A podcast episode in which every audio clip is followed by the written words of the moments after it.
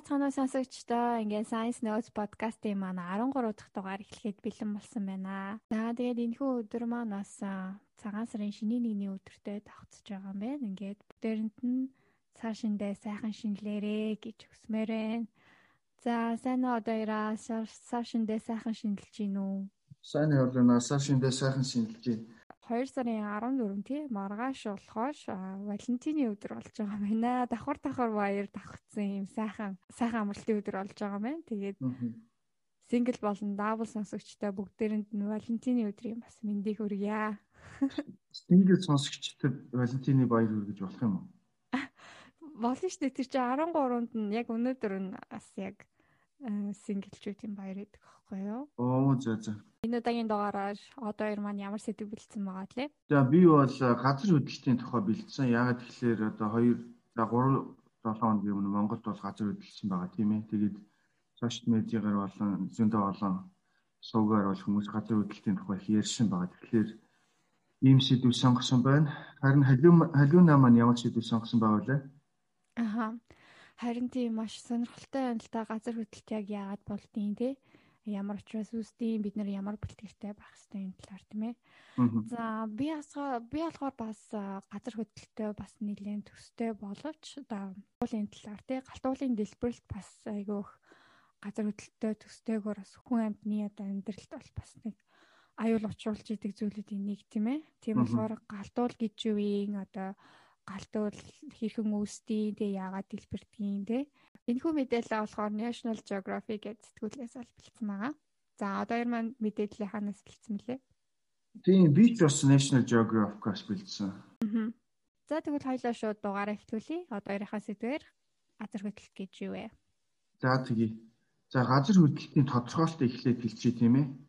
За дэлхийн гүнээс гарч буй гинтийн энергийн суллагдал нь дэлхийн гадраг дээр ямар нэгэн байдлаар чичиргээ дөргөө үүсэх байдлыг бол газар хөдлөлт гэдэг юм байна.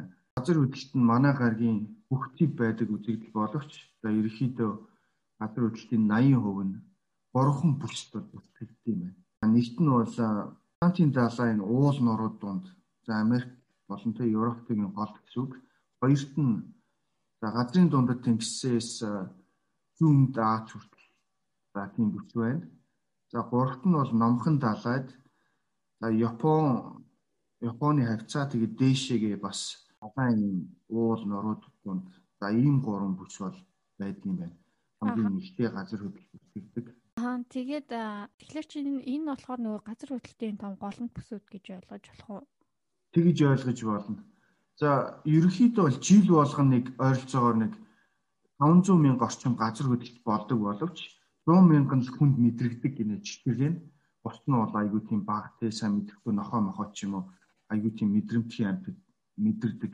Гэтэл энэ 500 мянган 80% нь саяны 30 одоо 3 ийм бүртгэгдсэн ихсэрсэн л одоо хамгийн том голомтцыг болж байгаа шүү дээ тийм ээ. Аха тэгвэл манай Монгол улс бол яг голомт дунд нь бол ордог гэсэн үг шүү дээ тийм ээ. Монгол бол голомтоос маш юу нь бол Ер нь Монголд бол тийм газар хөдлөлт бол их бол болдоггүй гэж үздэг юм байлээ л дээ.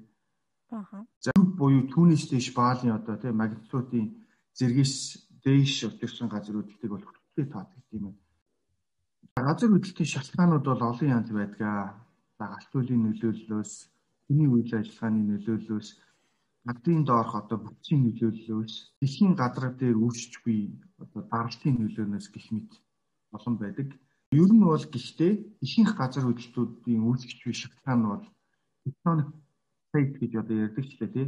Газар доор байдаг одоо юм ялцуудаас бол болдгоо. Тектоник плейт гэж бол сонсч байсан биз дээ. Тий газар зүйн дээр бол үздэг шүү дээ. За тэгвэл тектоник плейт буюу энэ газрын доорх ялцч гэдэг нь 100 орчим юм километр жудаантай ийм өнгөн хэсэг.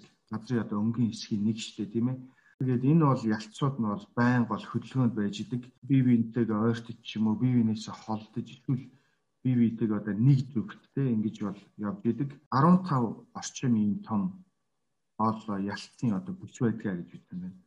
За энэ эдгээр бүс нь болохоор ерөөхдөө бол дүүдийн хооронд байдаг. бол Африк ТV-ийн гол ч юм уу эсвэл Арабын хойг бол Африк ТV уулзуур дээр ч гэдэг юм уу. Ер нь бол ийм тийм бол зааг дээр үт юм байна. За энэ ялцууд нь зарим тохиолдолд те хоорондоо нүүжидэг гэсэн учраас зарим тохиолдолд шүргэлцлийн тохиолдол болдог. За шүргэлцтэй бол дээр доор орох юм уу? юм уу бие биений энэ тохиолдол бол газар хэмжээний бол хүч үүсдэг юм. Энэ яваанд бол чичилгээ үүсснээр маш хүчтэй бол газар хөдлөлтийг бол үүсгэжсэн байна. За газар хөдлөлт болон одоо ихэнх газрын чиглэлэнүүд нь бол сейсмограф гэж одоо ийм багчаар бол өнтер дээр гардаг л да. Нэг юм цаасан дээр юм нэг зүрхний долгио шиг юм ингээд хөдлөөд идэг штеп. Тий аа. Балаар ч юм уу зураад идэг. Тэрийг сейсмограф гэдэг юм байна л да. Энэ нь болохоор газрын хөршин доор ямар нэг юм хөдөлгөөн болох юм уу чиглэлээ үүсгэх үүсгэхэд энийг бол хинжиж авдаг тийм олон олон сенсор гэж хэлдэг шүү дээ. Мэдрэмжтэй юм хөрөнгө гэж хэлдэг юм байна л да. За дэлхийн одоо өнцөг болон бүрт янз бүрийн юм одоо мэдрэгчүү сенсорууд байрлсан байдаг. Тэр дохойг бол аваад сейсмографийн бол хинжиж одоо гадар хөдөлт болон янз бүрийн бол хэмжээнүүдийг бол хинжиж идэгэ. Тэгэхээр 9.5 ван баал гэхэлэр надад бол нэлийн хүчтэй санагдаж байна л да тий. Одоо нийтдээ 1-ээс 10 баал байдаг бол Тэгэхээр яг 9.5 баалын үед хүмүүс яг яаж мэдэрдэг юм бол машин байрлал нуурах те хэмжээний чичрэлт гэсэн үг. Машин хэмжээний чичрэлээ үүсгэж тэр нэг жижигтэр хатад болсон гэж байна Тэгээ нэг 500 гаруй нас орсон гэж юм. Тэгээд ерөөсө босоогоор үлдсэн байшин байхгүй л л дээ. Зургийг ороод харсан чинь. Ер нь бол дөрвөөс дэшийг баалтай магнитудтай бол хүчтэйдээ тооцдог гэж байгаа шүү дээ. Тэгэл тэрнээс дэшээ бол гүүр ч юм уу зам гүүр норох магадaltaй байшин байрах норох марх дээр бол хүний амьд бол эрсдэлтэй л үг л дээ тийм ээ. Газар хөдлөлтийн бүтэлтэй ойрхон улсууд улсууд хотууд ер нь бол Японы зохион байгуулалтаа бол газар хөдлөлтөөгөө татуулж бол хийж байгаа шүү дээ. Жишээлбэл бол Японы архитекторууд одоо хөдлөхөд дагаж ингэж цуг хөдлөлтөг одоо нөгөө барилгууд баригдсан shock absorber гэж хэлдэг тийм барилгууд барьж гин. Ер нь тэгэл газар хөдлөлт үүсэх үед ямар ямар арга хэмжээ авах урьдчилан сэргийлэх арга хэмжээ авах гэдэг нь чухал юм шиг байлаа л дээ. Ер нь бол газар хөдлөлтийг бол ойлгохын тулд эхлээд бол дэлхийн дотоод бүтцийг бол ойлгох хэрэгтэй байхаа. За дэлхийг бол ингээд алимшиг дундуур нь төсөөл үзэх юм бол ихэнх юм тийм халуун болон хайлмал юм бүхэн бүтцтэй байд юм. Дэлхий бол тийм юм хэсгээс бүтдэг. Одоо төсөөл үзэх юм бол тийм ээ. За нэгт нь болохоор эхнийх нь болохоор тэр голд нь байдаг кор буюу дэлхийн бол төв гэж байна. Энэ нь болохоор 1000 гаруй километрийн зузаантай юм чулуурхаг бол төмөр болон нийтлэл гэсэн одоо тийм хүнд элементүүдээс бүтдэг гэж байна. Бидний одоо байдал те дэлхийн гадарга нь бол ерөөсөө маш нэмэгдэн нэг 7-оос 10 км-ийн зузаантай л одоо төрш хайр байдгаа гэж үзэж байна. Бидний одоо зогсож байгаа тийм амьдарч байгаа газрын гадарга маань ерөөсөө дэлхийн жингийн нэг л хувийг эзэлдэг. За тэгэхээр бол дэлхийн бол ихэнх хэсэг нь бол ийм хайлмал шингийн металлууд гэж штэ тий. За энэ хайлмал шингийн металлууд нь бол байнгын бол хөдөлгөөнд байж идэм байна л да. За халуун хэсэг нь бол дээшээгээ чиглэж хоёрт нь болохоор энэ дэлхийн цөмийн гадуур тэгж байрладаг юм шингийн юм хайлмал хэсэг байт юм байна. Энэ нь бол нэг орчим километрийн зузаантай. Тэгээд энэ хайлмалууд нэг 2000 гаруй юм Цельсийн дулаантай юм хайлмал металлууд байдаг гэсэн байна. Үүтэрсэн хэсэг нь бол доошогоо бол төрүүгөө шилжих юм байнгын хөдөлгөөнд байдаг. Нөгөө нэг цаг агаар салхины тухай ярихад ярьсан сэдвийг чи санаж гинөө те.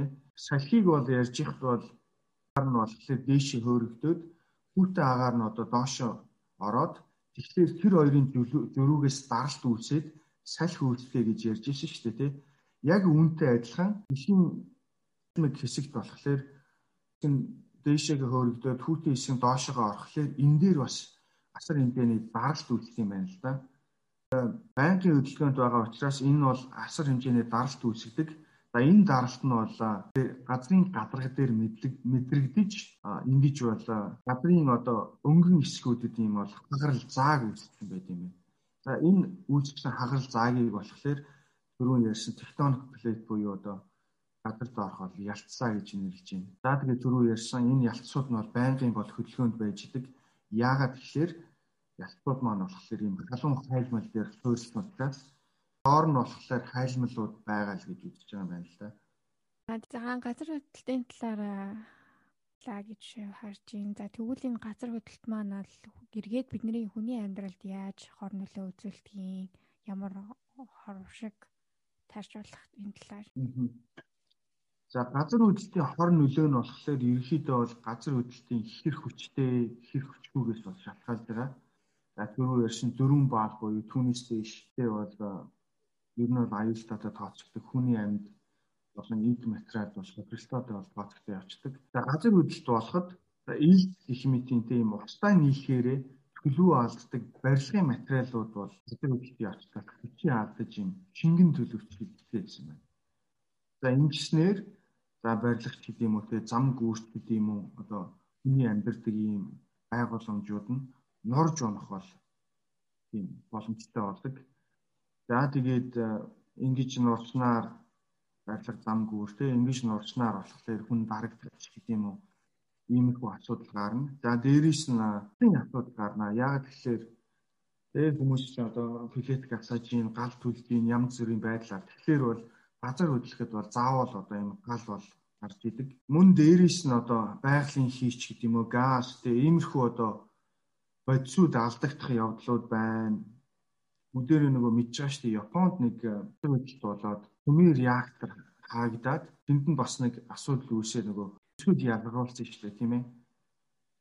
Санж гинөө. Хэдэн жилийн өмнө бас нэлээд дэлхийг бас чочоо яваад амтсан тийм ээ. Японд болсон. Тийм нэлээд хэдэн жилийн болсон. Тийм тийм цунамигийн дараа тийм ээ. За гих мэтээр иймэрхүү аюултай. Дээрээс нь бас нөгөө тогны юм уу цахилгааны шугамууд унах, тогн захиулах гэх юм уу. Иймэрхүү асуудлууд бас их болдгоо. За мөн дээрээс нь одоо landslide гэж байдаг ч нэг газрын одоо газар төргүү болж гадны өнгөн хэсэг дээр байгаа одоо бүх зүйлүүд арчигдах. За тэгээд чиний саяны ярьснаар цунами гих мэтийн иймэрхүү нөлөөтэй хүнд аюултай зүйлүүд бол газар хөдлөлтөөс болж болдлоо. Цунами болохоор юу одоо газар хөдлөлчин одоо дэлхий дээр болж байгаа бас одоо далай дотор болж байгаа шүү дээ. Тэгэхээр одоо далай доторх гадагшлах хөдөлгөөр Тэр далайн дээр байгаа тэр ус нь одоо түрэгднэ дээ. Аа. Тэрийг л одоо цунами гэж хэлээд байгаа юм шиг үлээ. Түрэгдээд одоо эргэрүүгээ шахагдаад одоо хэдэн метрч болдیں۔ Тэ тэгээд эрэгтэйгээ ойролцоо байгаа хүн амтан байшин барилгыг нураах одоо усанд автуулах энэ зүйлийг л цунами гэдэг юм байлээ. Аха. Сонирхолтой сэдв бэлдсэн одоо яртаа маш их баярлалаа. За тэгвэл хоёлаа энэ үрээд одоо өөрийнхөө сэдвийг дуусгаад дараагийнхаа сэдвтэ оръё.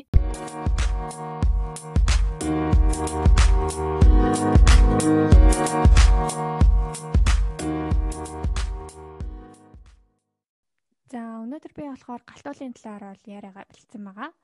За галтуул хэрхэн үүсдэг вэ гэхлээр а одоо ер манаас ирж исэн одоо газрын гүнд бол маш хэмжээний юм хайлмаг байдаг гэх тийм ээ.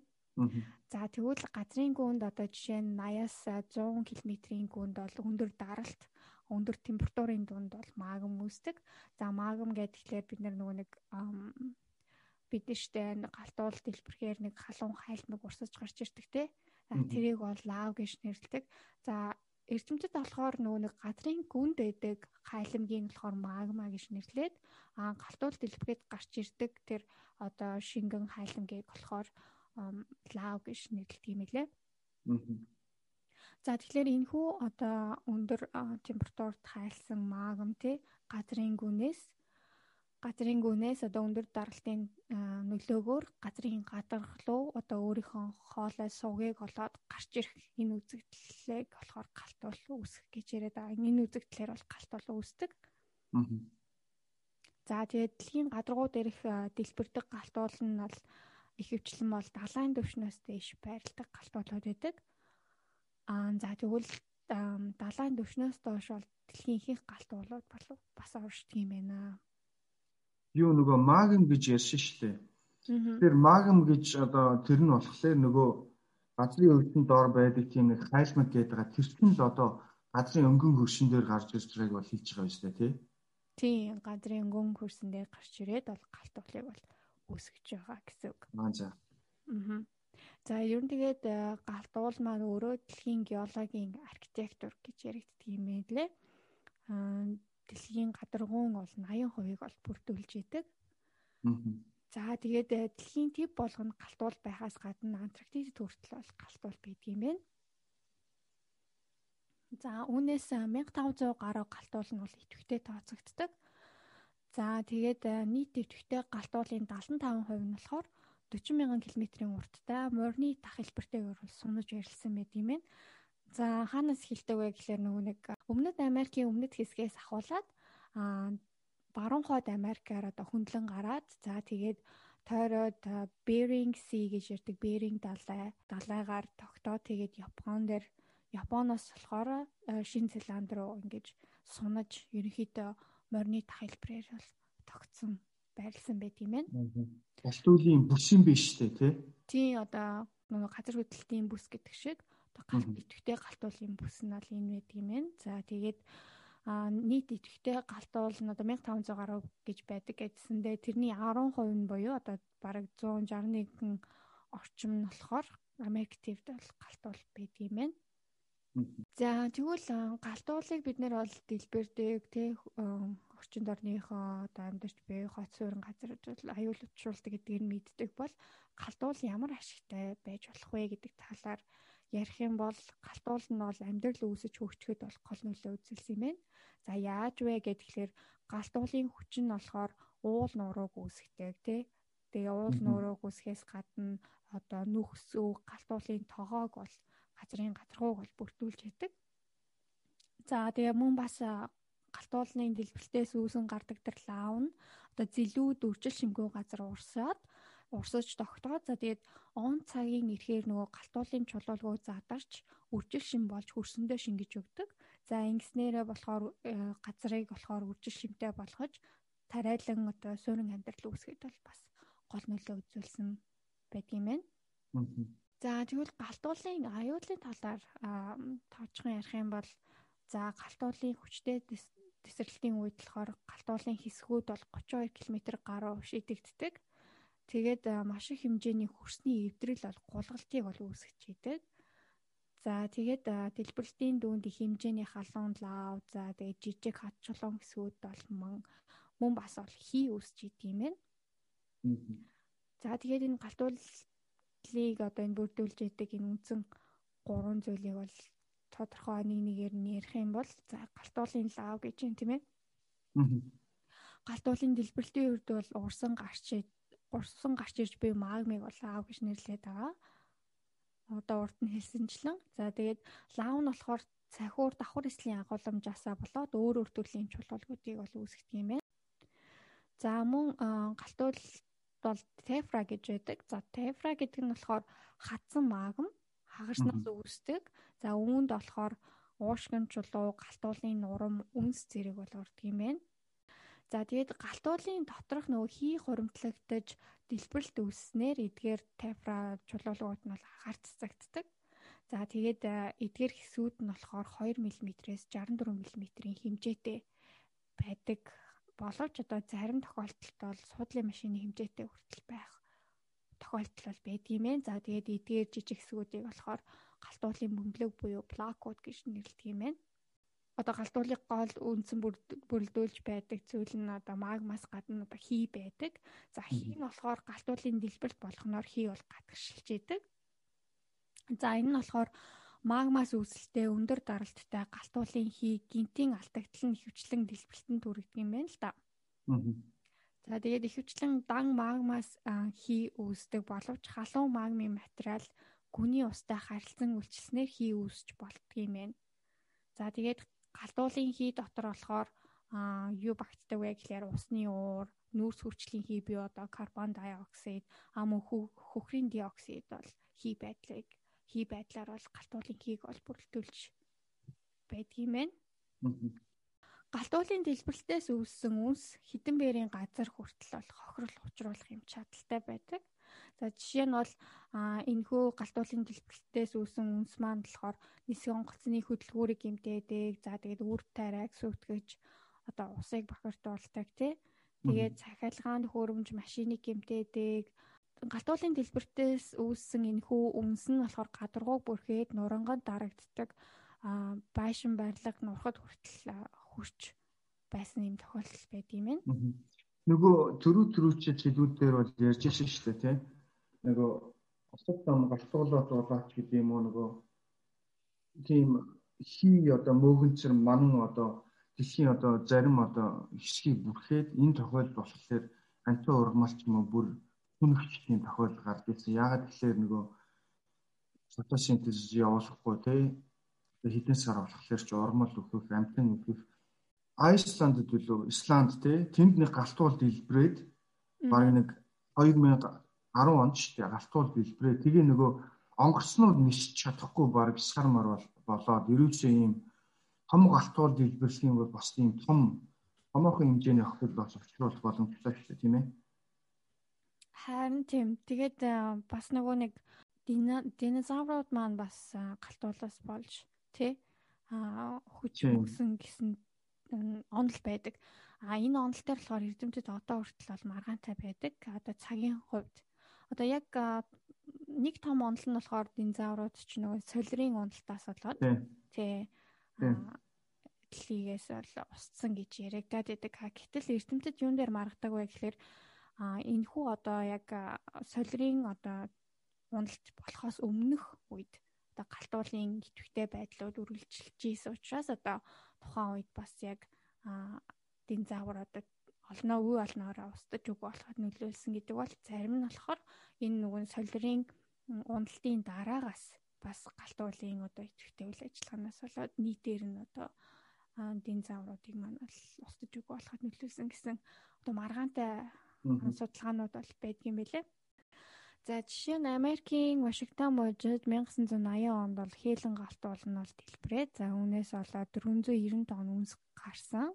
А мөн энэ хүн үнс нь болохоор 56980 км квадрат талбайгод бүрхэж 600 км-ийн зайтай хотуудад бол хохирол учруулж байсан юм түүхэнд бичигдсэн байдгийм байна. Бас нөгөө ямар галтуул лээ би бас нэрийг марчихжээ Грекийн бас нэг юм арал дээр хот дээр гатуул дэлбэрээ тэр хотыг тэр чигээр хөнөөж ингээд баримт байдаг юм байл л дээ. Тэг хамгийн сонирхолтой нь энэ хүү галтуулууд маань айгүй тийм байгалийн үзэсгэлэнт аа байгаль дундад л байрлаж идэг тийм ээ. Одоо Японы Фужи байна. Аа. Тийм. Манай манай хагийн тогоо байна. Тий. айгуу сонирхолтой дандаа юм байгалийн үнэхээр үзэсгэлэнт бүс нутгуудад бол галтуул байрлаж идэг тийм ээ. Сүүл тэр галтуулын нөгөө байдаг бүтцэн тийм одоо үжил шимтэй гэж ярьсан шүү дээ. Аха. Тийм болохоор одоо тэг үзэсгэлэнтэй гоё ногоон ч юм харагдсан болов. Тийм байж бас болох юм тийм ээ. За галтуулын үнс нь болохоор галын цогтой харьцуулахад 2 мм-ийн голчтой. Тэгээд хурц жуулуулын хэсгүүдээс болон галтуулын шилнээс бүрддэг юм байна. За тэгэхээр эндээс бол хэр галтуулын үнс гэдэг маань өөрөө аюултай зүйл вэ гэдгийг бол харж чадж байгаа ах гэж бодож байна. За тэгээд магм ихсэх үед бол үнс хий байдлаар үүснэ. Тэгээд галтуулын хөндийгөөс гарахтаа хөрөөд тэгээд чулуулуудыг бол буталдаг. Энэ нь зөвхөн одоо амьсгалахад аюултай байгаа зөксөхгүй барилга байгууламжийг сүрдгэж цахилгааны их усурыг бол гимтэх. Яг л нөгөө нэг газар хөдлөлтөөс үүсдэг гэмтлүүдтэй бас төстэй гэсэн. За тэгээд дэлбэлтийн дараах бол цэвэрлэгээний асуудлууд гэх мэтчлэн бол одоо ойр байгаа хот суурин газар маш хэмжээгээр бол галт болно бол хохируулж юм боломжтой. За тэгвэл галтуул хэр идэвхтэй байгаа хизээ дэлбэрхийг одоо мэдэж болох уу тий? Хэрвээ ийм аюултай юм бол бид нар ямар нэгэн хэмжээгээр одоо урьдчилан мэдээд одоо тухайн газрыг одоо хүн амыг одоо нүүлгэн сэлжүүлэх юм үйл явдал байж болох уу гэх юм бол ерөнхийдөө бол гурван зүйлээр бол хэмждэг. Эхнийх нь болохоор хэрвээ тэнд баг зэргийн газар хөдлөлт байх юм бол галтуул дэлбэрэх бас магадaltaй. За эсвэл галтуулын хэсэгт бол янз бүрийн овоолт үүсэх тий а эсвэл галтуулаас их хэмжээний хий ялгарах энэ гурван зүйлээр бол галтуулын дэлбэрэх хэсгийг бол одоо тохио гэж болно тий. Энэ энэ маягаар бол тохио өгдөг юм байна. За тэгтээ эдгээр нь бол шууд шууд дэлбэрэлтийг бол тодорхойлохгүй ч гэсэндээ шинжлэх ухаанчид магм хэр хуримтлагдаж байгаа, төлөв ямар байгааг бол тодорхойлоход тусалдаг юм байна.